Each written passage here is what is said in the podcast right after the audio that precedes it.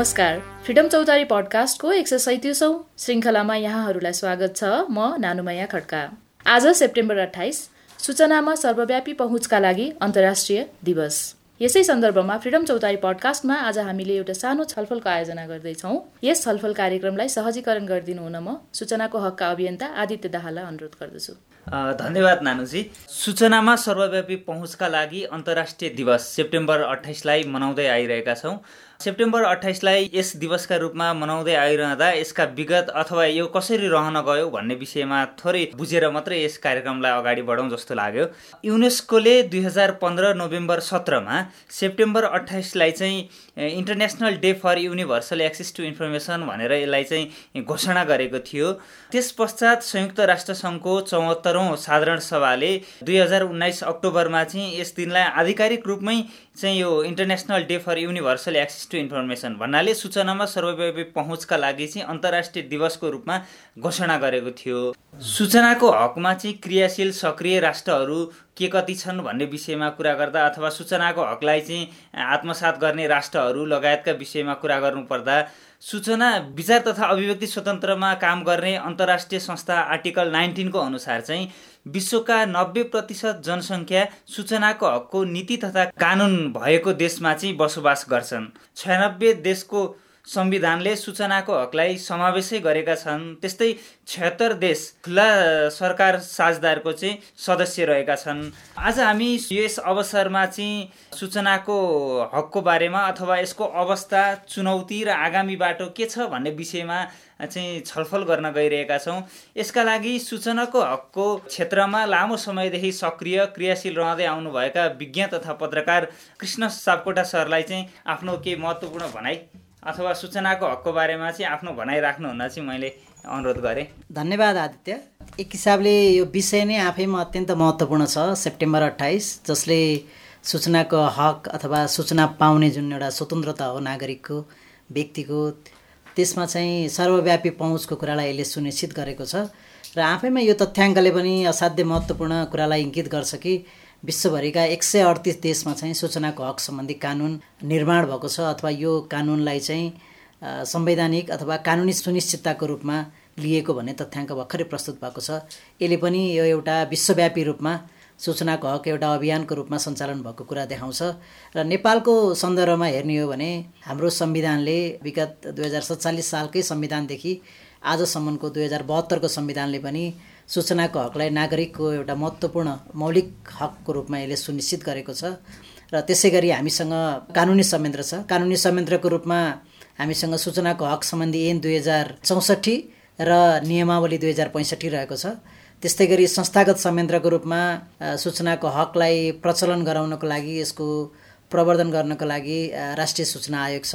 त्यस्तै गरी नागरिक स्तरमा पनि सूचनाको हकलाई प्रवर्धन गर्ने यसको प्रयोगलाई प्राथमिकता दिने अथवा यसलाई सूचनाको हकलाई नागरिकको एउटा दैनिक जीवनीसँग जोड्ने अभियान लिएर सञ्चालन भएका नागरिक संस्थाहरू छन्। त्यसले गर्दाखेरि यसो हेर्दाखेरि चाहिँ हाम्रो एउटा संरचना र संयन्त्रको हिसाबले सूचनाको हक एउटा समृद्ध एउटा संयन्त्रको रूपमा रहेको कुरा म यहाँ भन्न चाहन्छु।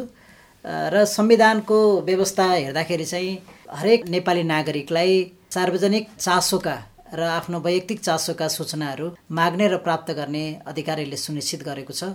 त्यस्तै गरी सूचनाको हक सम्बन्धी ऐन दुई हजार चौसठीले पनि हरेक नागरिकलाई आफ्नो सूचनाको हक यसले सुनिश्चित गरेको छ र सूचनाको हक सम्बन्धी ऐनलाई हामीले सरसर्ती हेर्दाखेरि यो एउटा पारदर्शिताको एउटा महत्त्वपूर्ण आधार स्तम्भको रूपमा यो रहेको छ र यसले एउटा जवाबदेही शासन र एउटा खुल्ला सरकार प्रवर्तनको अभ्यासलाई अगाडि बढाउने सन्दर्भमा पनि महत्त्वपूर्ण प्रावधानहरू यसले गरेको छ।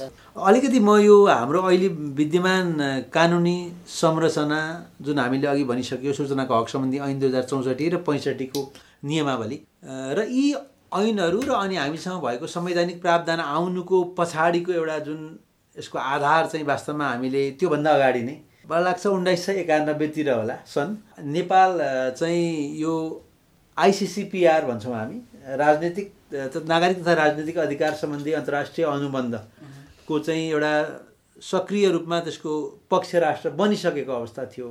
त्यसैले पक्ष राष्ट्र बनिसकेपछि नेपालले चाहिँ दुई हजार सडचालिसको संविधानदेखि निरन्तर रूपमा पछि आएका सबै संविधानहरूमा सूचनाको हकलाई अलग्गै एउटा छुट्टै मौलिक हकका रूपमा सुनिश्चित गर्दै आएको हाम्रो इतिहास छ र वर्तमान संविधानले पनि त्यो कुरालाई अङ्गीकार गरेको छ आत्मसात गरेको छ।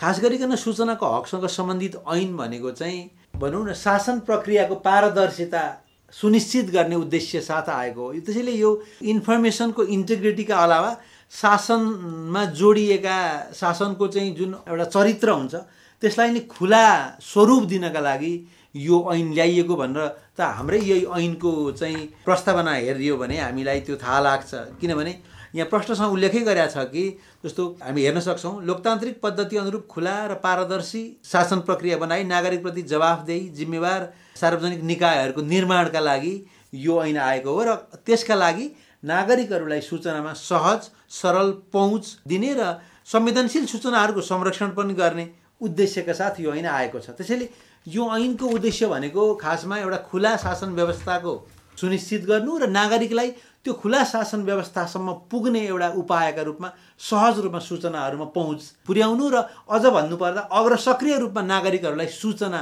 अथवा जानकारीबाट चाहिँ नागरिकहरूलाई सुसूचित गराउने उद्देश्य यो ऐनको देखिन्छ। र यो ऐनले मुख्य रूपमा समेटेका मुख्य पक्षहरू अघि कृष्णजीले भने जस्तो सूचनाको हकलाई प्रचलन सम्वर्धन र संरक्षण गर्ने उद्देश्यले आएको यो सूचना आयोगको कुरा गर्नुभयो उहाँले एउटा एजेन्सीका रूपमा भनौँ न त्यो पनि आएको छ भने यसले मुख्य गरी सार्वजनिक निकायहरूलाई परिभाषित गरेको छ। जहाँ आम नागरिकको सरकारका सूचनाहरू हुन्छन् र कतिपय नागरिकहरूका निजी सूचनाहरू पनि हुने गर्दछन्। त्यस्ता निकायहरूले सूचनाको संरक्षण गर्ने दायित्व मात्रै होइन कि त्यस्ता सूचनाहरू नागरिकले नमागिकनै नियमित एउटा अन्तरालमा नागरिकहरूलाई अग्र सक्रिय रूपमा जानकारी दिने विभिन्न माध्यमबाट नागरिकले बुझ्ने भाषामा जानकारी दिने कुरालाई पनि एउटा चाहिँ सार्वजनिक निकायहरूको दायित्व हो भन्ने कुरा यसले व्यवस्था गरेको छ भने प्राय सबै सरकारी निकायहरू ऐनद्वारा गठन भएका विभिन्न निकायहरू होइन त्यसमा राजनैतिक दलहरू गैर सरकारी संस्थाहरू त्यसै गरी चाहिँ अन्य संस्थानहरू हाम्रो सन्दर्भमा भन्दा र यो प्राइभेट कम्पनीहरू पनि किनभने कतिपय ती पनि ऐनद्वारा गठित हुने भएकोले गर्दा कम्पनीहरू पनि यसको डोमेनमा पर्छन्। भनेर हामी भन्ने गर्छौँ र कतिपय चाहिँ प्राइभेट एजेन्सीहरूमा मागेका सूचनाहरूलाई पनि कतिपय एजेन्सीहरूले चाहिँ नियमित रूपमा चाहिँ एउटा सार्वजनिक निकायकै हैसियतले त्यस्ता सूचनाहरू डिस्क्लोज गर्ने गरेर देखिन्छ। जस्तो अहिले उदाहरणको लागि ब्याङ्किङ सेक्टरमा हेर्नुभयो भने धेरै ब्याङ्कहरूले नियमित अन्तरालमा चाहिँ यो सूचनाको हक अन्तर्गतको यो दायित्वलाई पालना गरेको देखिन्छ। कतिपय सबै प्राइभेट एजेन्सीहरू यसमा यो डोमेन हाम्रो होइन भनेर अलिकति यसमा अलिकति यसलाई अपनत्व दिएर सार्वजनिक खुलासा गरेको त देखिँदैन तर कतिपय एजेन्सीहरू आएका छन्। भने सबै सार्वजनिक काममा संलग्न हुने यी सरकारी गैर सरकारी संस्था र निकायहरू चाहिँ सार्वजनिक निकाय हुन् भनेर परिभाषित गरेको छ। सञ्जीव सरले यो सार्वजनिक निकायको परिभाषा त एकदम राम्रोसँग भन्नुभयो। तर यसमा पनि यो सूचनाको हक नेपालको सूचनाको हकको एउटा प्रमुख विशेषताको हिसाबले हेऱ्यो भने यसले चाहिँ वास्तवमा पब्लिक एजेन्सी भनेको चाहिँ कसले चाहिँ नागरिकलाई सूचना माग्दाखेरि सूचना दिने अथवा स्वस्फूर्त रूपमा खुलासा गर्ने भनेर पनि त्यसलाई राम्रोसँग व्यवस्था गरेको छ। र यसलाई अझ हामीले भन्नुपर्दाखेरि एउटा रियाक्टिभ डिस्क्लोजरको कुरा र प्रोएक्टिभ डिस्क्लोजरको कुरा। मागेर सूचना पाउने कुरा एउटा पक्ष भयो भने अर्को पक्ष चाहिँ स्वस्फूर्त खुलासा गर्ने पक्ष। भनेपछि हाम्रो यो छलफलबाट मलाई के लाग्यो भने सञ्जीव सर हजुर। हाम्रो यो सूचनाको हक सम्बन्धी जुन कानुन छ त्यो कानुन चाहिँ एक हिसाबले हो भने एकदमै प्रोग्रेसिभ छ। यसले सूचनाको हक के हो भन्ने कुरालाई डिफाइन गरेको छ स्कोपमा।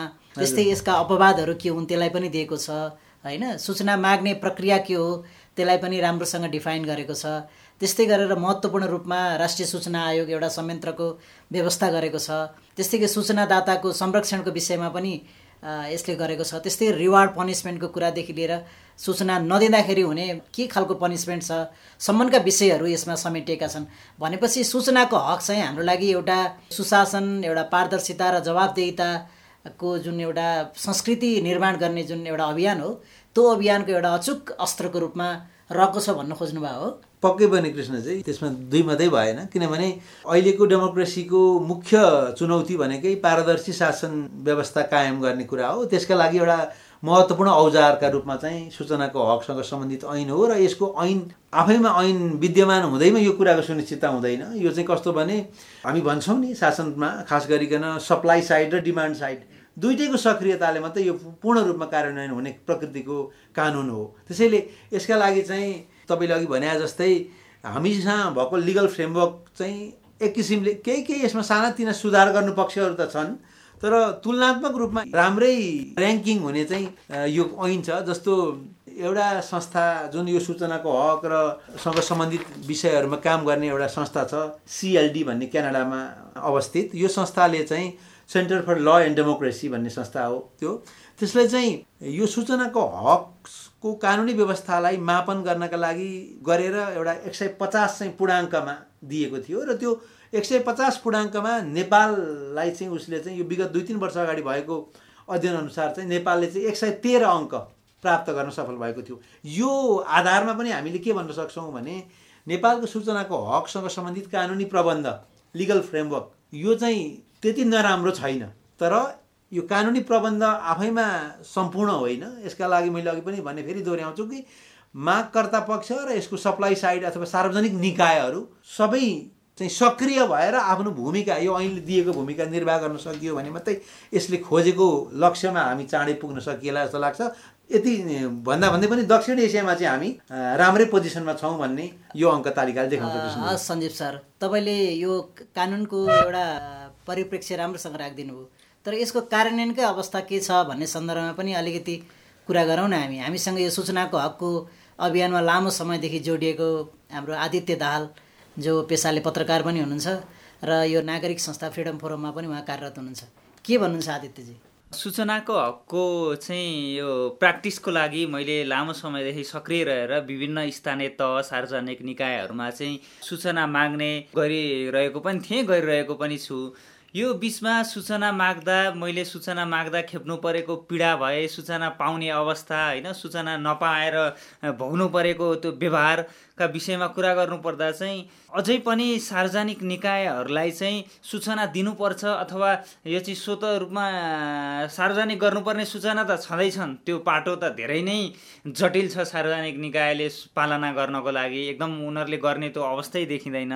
नागरिकले आफ्नै अग्रसरतामा चाहिँ आफै अग्रसर भएर मागेको सूचना दिनका लागि पनि भने उनीहरूलाई चाहिँ एकदमै गाह्रो हुने गरेको देखियो। जुन त्यो मेरो म आफैले सूचना माग्दा भोगेको त्यो एउटा चाहिँ भोगेको एउटा घटनाबाट पनि थाहा हुन्छ। म एउटा सानो एउटा उदाहरण दिन चाहन्छु। यो चाहिँ सूचनाको हकको अवस्था चाहिँ कस्तो छ सार्वजनिक निकायमा भन्ने कुरामा चाहिँ यो मेरो एउटा व्यक्तिगत दृष्टान्त हो।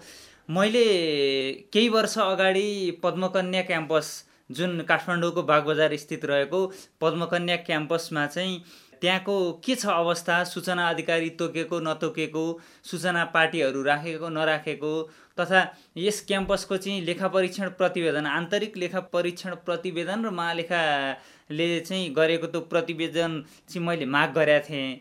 त्यो सूचना माग गर्दाखेरि मलाई सूचना दिने त परको कुरा। सूचना आफैले फोन गरेर किन सूचना पाइएन मलाई किन दिनु भएन उपलब्ध गराउनु भएन भनेर चाहिँ कुरा गर्दा समेत त्यस क्याम्पसका प्राध्यापक धनप्रसाद पण्डित उहाँले चाहिँ यो तपाईँलाई दिनको लागि चाहिँ तपाईँ अदालतबाट फोन गर्नुभएको हो मलाई? तपाईँ राष्ट्रिय सूचना आयोगको मान्छे हो अथवा तपाईँ प्रहरी हो? तपाईँलाई किन दिने यो सूचना? भने जस्तो चाहिँ अब एउटा क्याम्पसको प्राध्यापकले सूचनाको हकलाई कसरी बुझेको रहेछ भन्ने यो एउटा दृष्टान्तले पनि हाम्रो त्यो समग्र यो देशको चाहिँ सूचनाको हकको अवस्था कस्तो छ भन्ने चाहिँ यो छर्लङ्ग देखिन्छ जस्तो मलाई लाग्छ। त्यसरी सूचना माग्दा उहाँले सूचना दिन इन्कार गर्नुभयो। मैले प्रक्रियागत रूपमा राष्ट्रिय सूचना आयोगमा चाहिँ सूचना नपाइसकेपछि कार्यालय प्रमुखलाई सूचना माग गरेँ। त्यहाँबाट नपाएपछि उजुरी गरेँ।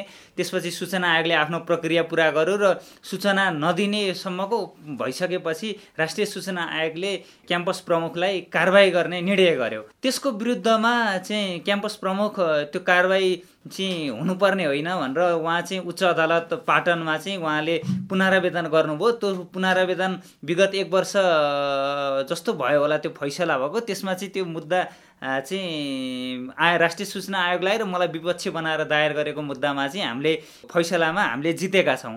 अब यो समग्र हेर्दा यो एउटा उदाहरण मात्रै देखाएँ मैले सर।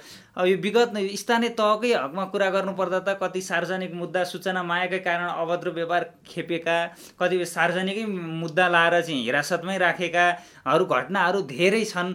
यो विषयमा अझ नजिकबाट निहालिरहनु भएको अथवा यो मुद्दाकै पैरवी गरिरहनु भएको हाम्रो सञ्जीव सरलाई नै धेरै कुराहरू थाहा छ। अहिले पनि केही मुद्दाहरू चाहिँ उहाँले नै हेरिरहनु भएको छ। यो चाहिँ मेरो एउटा सानो उदाहरण। अरू कुरा चाहिँ मैले हाम्रो अधिवक्ता सञ्जीव घिमिरे सरलाई नै भन्न अनुरोध गरेँ। धन्यवाद आदित्यजी। अब तपाईँले भने जस्तो यो देखिन्छ। खासमा सूचना मागकर्ताहरूलाई हामीले अघि पनि गऱ्यौँ। ऐनको उद्देश्य भनेको सूचनादाताको संरक्षणलाई ऐनले प्रष्ट रूपमा उल्लेख गरेको छ। मागकर्तालाई कानुनी रूपमा चाहिँ मागकर्ताको संरक्षणको बारेमा चाहिँ ऐन अलि मौन छ। वास्तवमा त्यो लिगल रिफर्मको एउटा पक्ष हो हामी त्यसमा आउँला छुट्टै होइन? तर यो के देखिन्छ भने सूचना मागकर्ताहरू अघि आदित्यजीले भन्नुभयो जस्तो सूचनाको हक जुन आफ्नो संवैधानिक हक प्रयोग गरेर सूचना माग गर्ने क्रममा चाहिँ विभिन्न कानुनी झमेला अनि मुद्दा खेप्नुपर्ने अवस्थाको सिर्जना भएको देखिन्छ। उहाँ आदित्यजी पनि त्यसको एउटा शिकार हुनुभयो भलै उहाँले सूचनाको त्यो मुद्दामा जित्नुभयो। तर अब यो के देखिन्छ भने जस्तो सप्तरी सिराहा पर्सा लगायत तराई र अन्य विभिन्न पहाडी जिल्ला र यहाँ इभन यी काठमाडौँमै पनि उपत्यकाभित्रै पनि धेरै सूचना मागकर्ताहरू चाहिँ सूचना माग्दा विभिन्न मुद्दाको शिकार हुनुभएको छ। कसैलाई गाली बेजतीको मुद्दा लागेको छ कसैलाई अभद्र व्यवहारको मुद्दा लागेको छ मौखिक सूचना माग्न जाँदा त्यसैलाई आधार गरेर अभद्र व्यवहारको मुद्दा माग्नु भएको छ।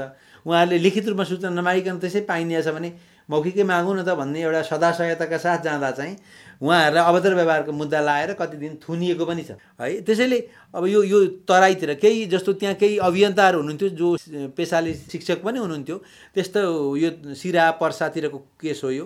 उहाँहरूलाई चाहिँ गाली बेजती मुद्दा लगाइएको छ।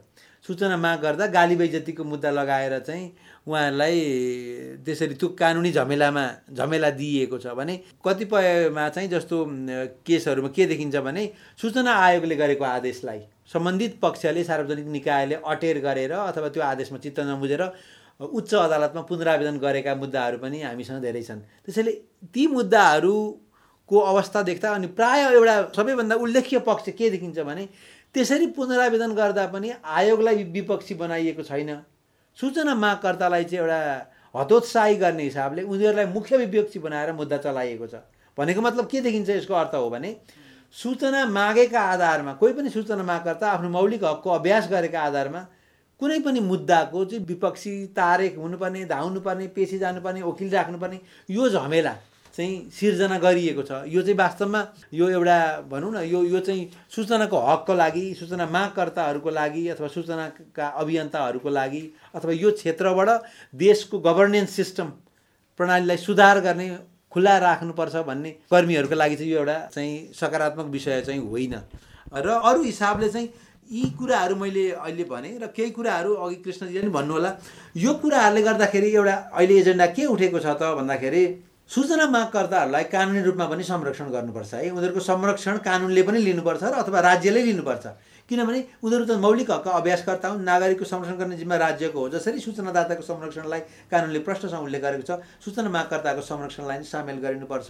लगायत अन्य केही विषयहरू कानुन अहिले भएको कानुनी अब हामी यो विगत भनौँ न सोह्र वर्षको अभ्यासमा हामीले भोगेको अभ्यासबाट चाहिँ कानुनी रूपमा केही सुधार पनि जरुरी छ भनेर केही एजेन्डाहरू पनि उठान गर्ने गरिएको छ सरकारवालाले। त्यो बारेमा पनि केही कुरा राख्न म हाम्रो कृष्णजीलाई अनुरोध गर्छु। धन्यवाद सञ्जीव सर। मूलत यो जस्तो हामीले चुनौतीका कुराहरू हामी गर्नेवाला नै थियौँ तर चुनौतीभन्दा अगाडि हामीले सूचनाको हकमा केही राम्रा अभ्यासहरू पनि गरेका छौँ नेपालमा। जस्तो नेपालमा सूचनाको हक ल्याउनुपर्छ भनेर अभियान चलाउने पैरवी गर्ने कुरादेखि लिएर यसमा पब्लिकको एउटा अवेरनेस बिल्डन गर्ने कुरादेखि लिएर विभिन्न खालका हामी दुई तिनवटा त हामी राष्ट्रिय सम्मेलनहरू नै गरेर सूचनाको हकको एजेन्डाहरूलाई मेन स्ट्रिमिङ गर्ने कुरादेखि लिएर अन्तर्राष्ट्रिय समुदायसँग जोडिने विषयहरूदेखि लिएर होइन यो खालका कुराहरू पनि हामीले धेरै नै गरेका छौँ।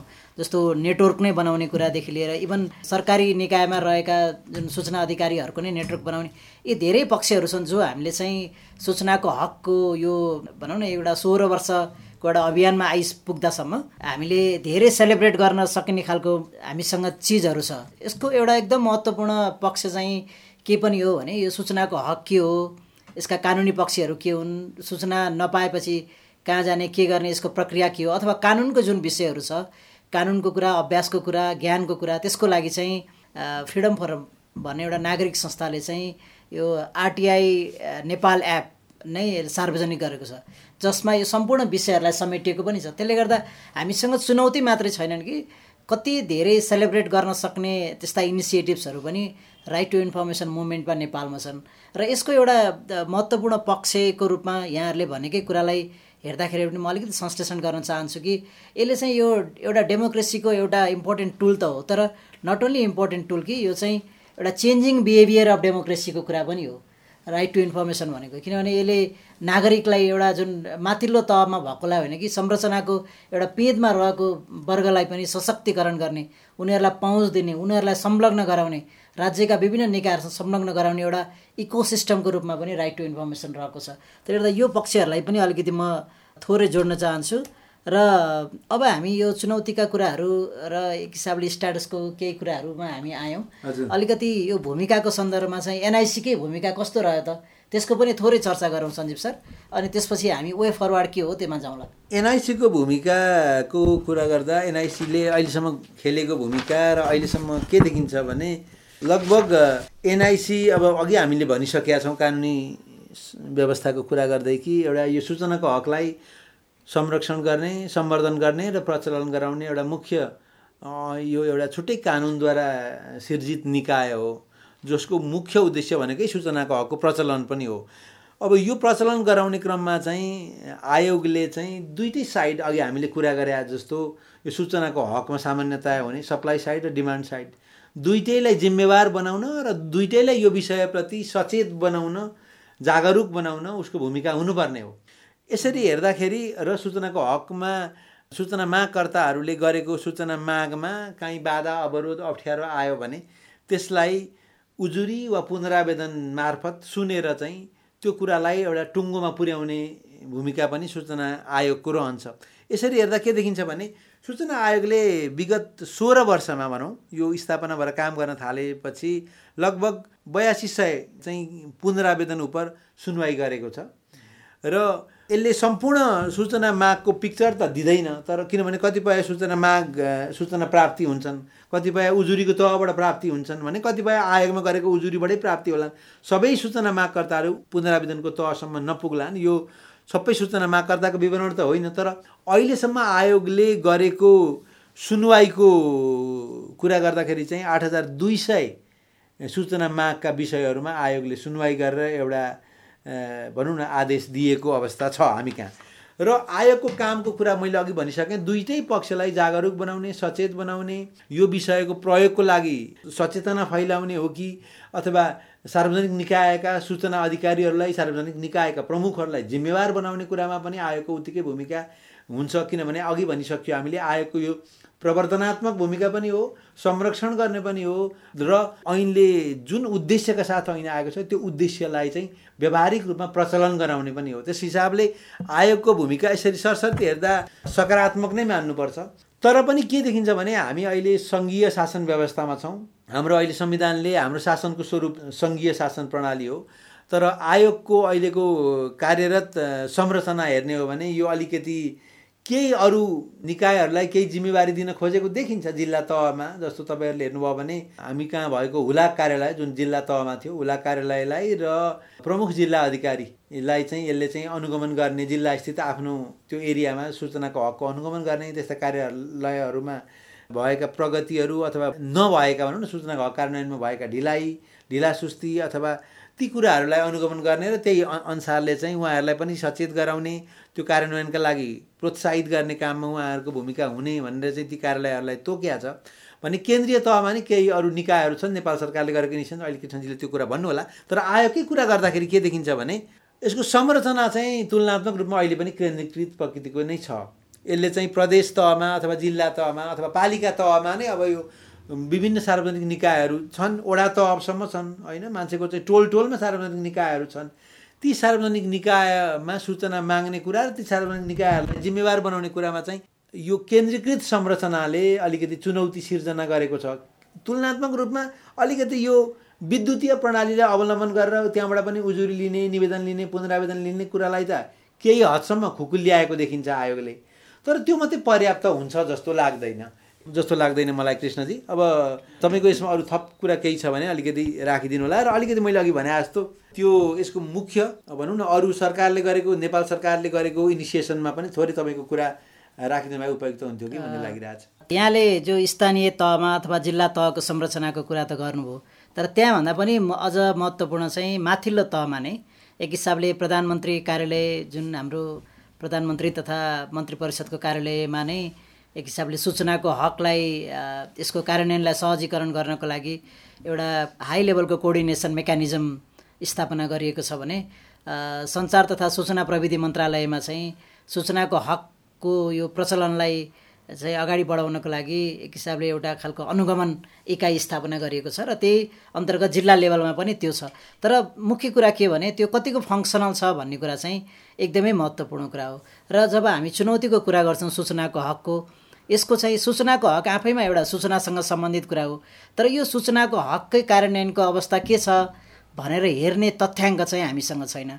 जस्तो अहिलेसम्म कति सोह्र वर्षको एउटा सूचनाको हकको इतिहासमा अथवा यसको एउटा मुभमेन्टको दौरानमा कति नागरिकले सूचना मागे कति नागरिकले सूचना आंशिक रूपमा प्राप्त गरे कतिले पुरा प्राप्त गरे अथवा कति पुनरावेदनको प्रक्रियामा गए पुनरावेदनमा पनि कति चाहिँ त्यसको फर्सेटहरू भयो। त्यसको जुन एउटा डिसएग्रिगेटेड लेभलको डेटा हो त्यो डेटा चाहिँ हामीसँग छैन।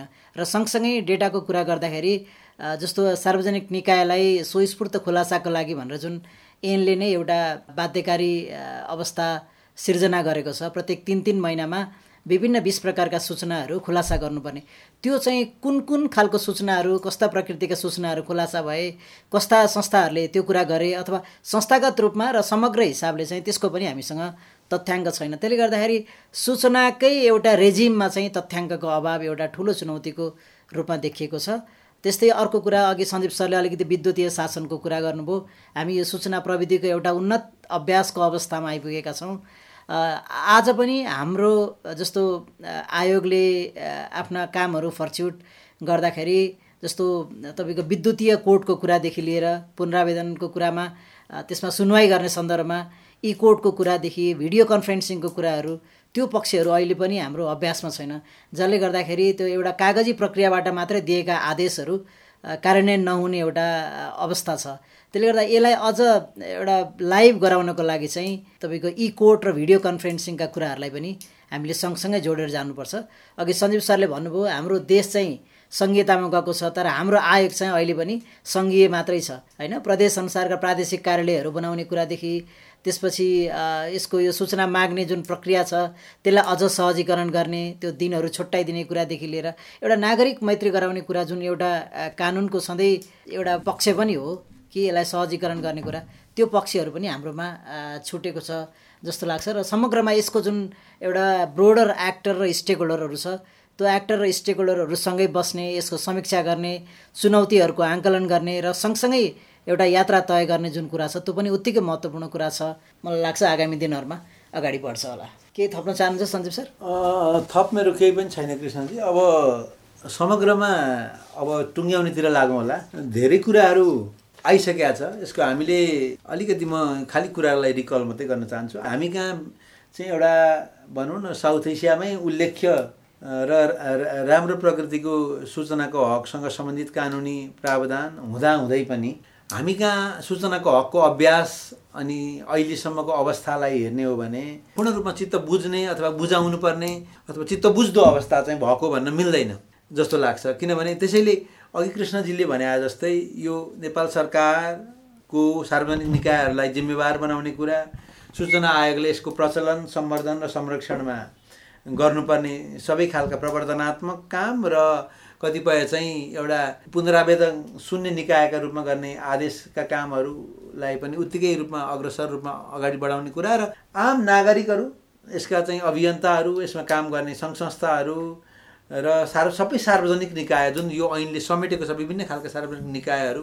त्यो सबै निकायमा हुने सरकारवाला निकायहरूले चाहिँ यो ऐन र यसले गरेको चाहिँ एउटा कानुनी दायित्वलाई पालना गर्न सक्ने अवस्था सिर्जना नभएसम्म र एउटा सांस्कृतिक रूपमा नै हामी चाहिँ एउटा गोप्यताको संस्कृतिलाई चिरेर एउटा खुला शासन व्यवस्थालाई अवलम्बन गर्ने कुरालाई यो मौखिक रूपमा अथवा हामीले यसलाई चाहिँ एउटा भनौँ न रेटोरिकको रूपमा भन्दा पनि यसलाई चाहिँ व्यवहारिक रूपमा नै लानका लागि सूचनाको हकलाई पूर्ण रूपमा कार्यान्वयन गर्न सकियो भने मात्रै ती कुराहरू सम्भव छ। अन्यथा चाहिँ हाम्रो खुला शासन व्यवस्थाको हाम्रो त्यो चाहना त्यो चाहिँ एउटा भनौँ न त्यसमा त्यो गन्तव्यमा पुग्ने कुरा चाहिँ झन् झन् ढिलो हुँदै जाला।